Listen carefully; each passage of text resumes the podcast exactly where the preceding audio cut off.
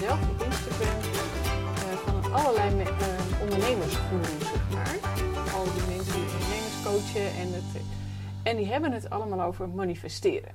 Ja. Je dromen manifesteren, je toekomst manifesteren. En dan kom je er vanzelf en droom groot. En, en toen uh, dacht ik voor mezelf, ja, ik ben nog steeds meer projectmanager dan ondernemer. Maar mijn vraag aan jou is, pas jij het manifesteren zoals zij dat bedoelen ook toe als projectmanager? Hoe helpt dat jou als je dat doet?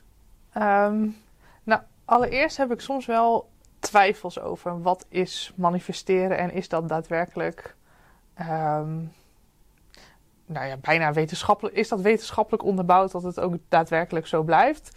Of is het soort van gelukkige omstandigheden of toeval? Mm. Of, uh, maar waar ik wel heel erg in geloof, is dat als jij je, uh, je zinnen ergens op zet, je gedachten ergens toe uh, bij hebt of toezet. Of um, dat je dingen visualiseert. Hè, dus in je hoofd al plaatjes ziet van waar je naartoe wil.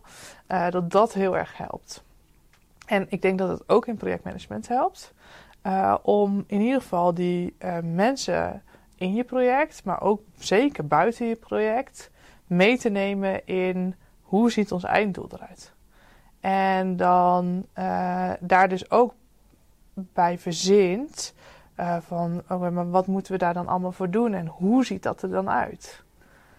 En... Dus dan, dan, doet het een appel op jouw behoefte aan resultaatgericht gedrag van je projectteam en van je stakeholders, van de doelgroep en iedereen. Ja, zeker, zeker. En ik denk dat manifesteren ook heel erg gaat om over uh, die gedachten uitspreken.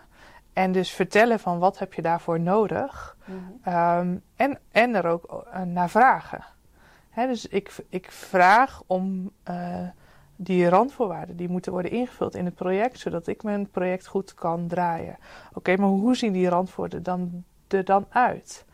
En het daarover hebben met mensen gaat natuurlijk iets in beweging zetten. Want alles wat je vertelt en wat je doet, zet natuurlijk dingen in beweging. En nou ja, noem je dat dan al manifesteren? Ik denk het wel. Hè? Ja, volgens mij is dat het wel. En ja. um, uh, dus hoe meer je dat soort dingen gaat uitspreken en welke behoeftes je hebt, dan geloof ik gewoon dat er dan mensen inderdaad straks aan je denken van hé, hey, oh, maar Anna had het over dat ze nog, een, uh, dat ze nog iemand nodig had om uh, functioneel beheer uit te voeren. Hé, hey, maar deze persoon die heeft nu even tijd over. Dan kan ik, uh, dan kan ik die bij Anna wegzetten. Hè, dus, um, en um, ja, manifesteren klinkt voor mij op best wel soms zweverig. Maar ik denk dat het puur het uitspreken van je behoeftes en je wensen zijn. En dat er dan al dingen gaan rollen.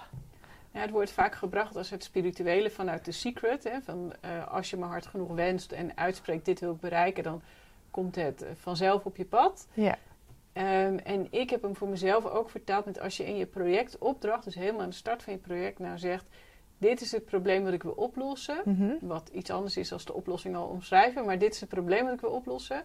En je gaat daarmee bezig. En in onze ideale situatie is het probleem opgelost. Maar hebben we ook nog dit gewonnen en dit gewonnen en dit gewonnen. Ja. Dat je zo duidelijk houdt waar iedereen voor werkt. Ja. Um, dat je eigenlijk je, je doelgerichtheid of je resultaatgerichtheid de hele tijd voor ogen houdt. Ja. En dan lukt het ook wel. Ja. En volgens mij doen we dat als projectmanagers als geen ander. Ja, dat maar dat maakte ook. me dus wel een beetje in de war toen ik iedereen ging horen over manifesteren. Ja, Dat ik dacht, dat is toch logisch? ja. Maar dat doe je als projectmanager gewoon vanzelf. Je doet het al. Ja. Leuk. En dan heb ik nog wel aanvullend daarop een vraag. Hè? Want als je mm, eh, dan kijkt na- ook naar dat... Kijk, manifesteren is natuurlijk jezelf uitspreken. Ehm, maar ik kom dan, raak dan ook al vaak heel erg snel aan visualiseren.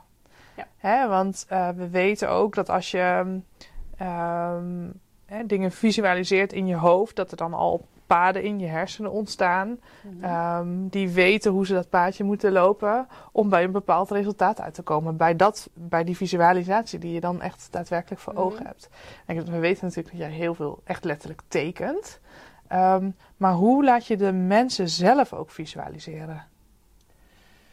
Dat ligt een beetje aan de groep. Want eh, een landschapsarchitect of een bestekstekenaar die tekenen el- elke dag. En die vinden het prima om zelf ook te tekenen. Is dan een iets andere manier van tekenen, maar die maken de omslag heel snel. Terwijl als ik zit met ehm, beleidsmedewerkers of opdrachtgevers of mensen die niet dagelijks tekenen, dan is de drempel te groot. Dus soms leg ik een tafelkleed op tafel en zeg we gaan met z'n allen tekenen. Of ik hang een vel aan de muur en we mogen allemaal tekenen.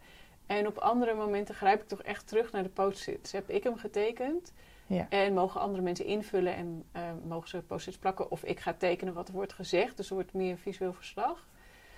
Maar wat het vooral doet, je hebt het over die paden in de hersenen. En ehm, herhaling is natuurlijk heel krachtig om die paden breder te laten worden. Ja. En met je ogen flits je continu heen en weer. Dus als iets getekend is, dan ga je continu terug naar dat ene symbool. En aan het symbool heb je een zin of een woord of een doel gekoppeld. Ja. Maar je gaat continu terug. Dus al als ik het over een doel heb en ik teken gewoon een voetbaldoel met drie steekwoorden erachter, dit gaan we halen in het project, gaan alle ogen in de ruimte, die flitsen een paar keer over dat doel en iedereen weet, oh ja, doelgericht, we gingen Ja. daarheen. Ja, ja. Dus zo werkt het al in je hersenen, is eigenlijk Ja. heel simpel, terwijl we niks met voetbal doen.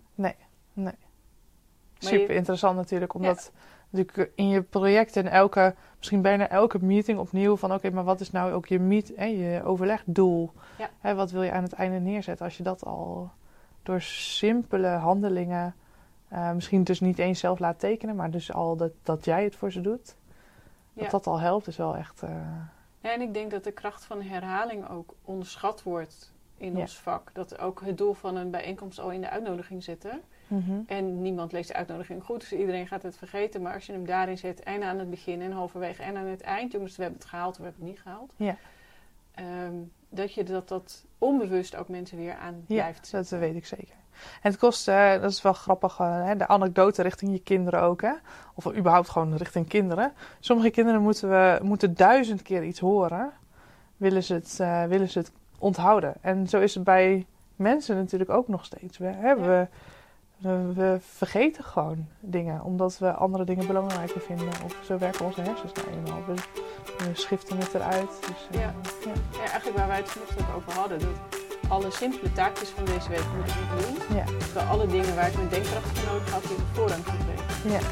En dat eh, is eigenlijk heel raar hoe je zo werkt. Ja. Maar als je het in de gaten hebt, kan je er ook weer gebruik van maken. Zeker. Kan je Ja. bouwen. Mooi, kracht van herhaling.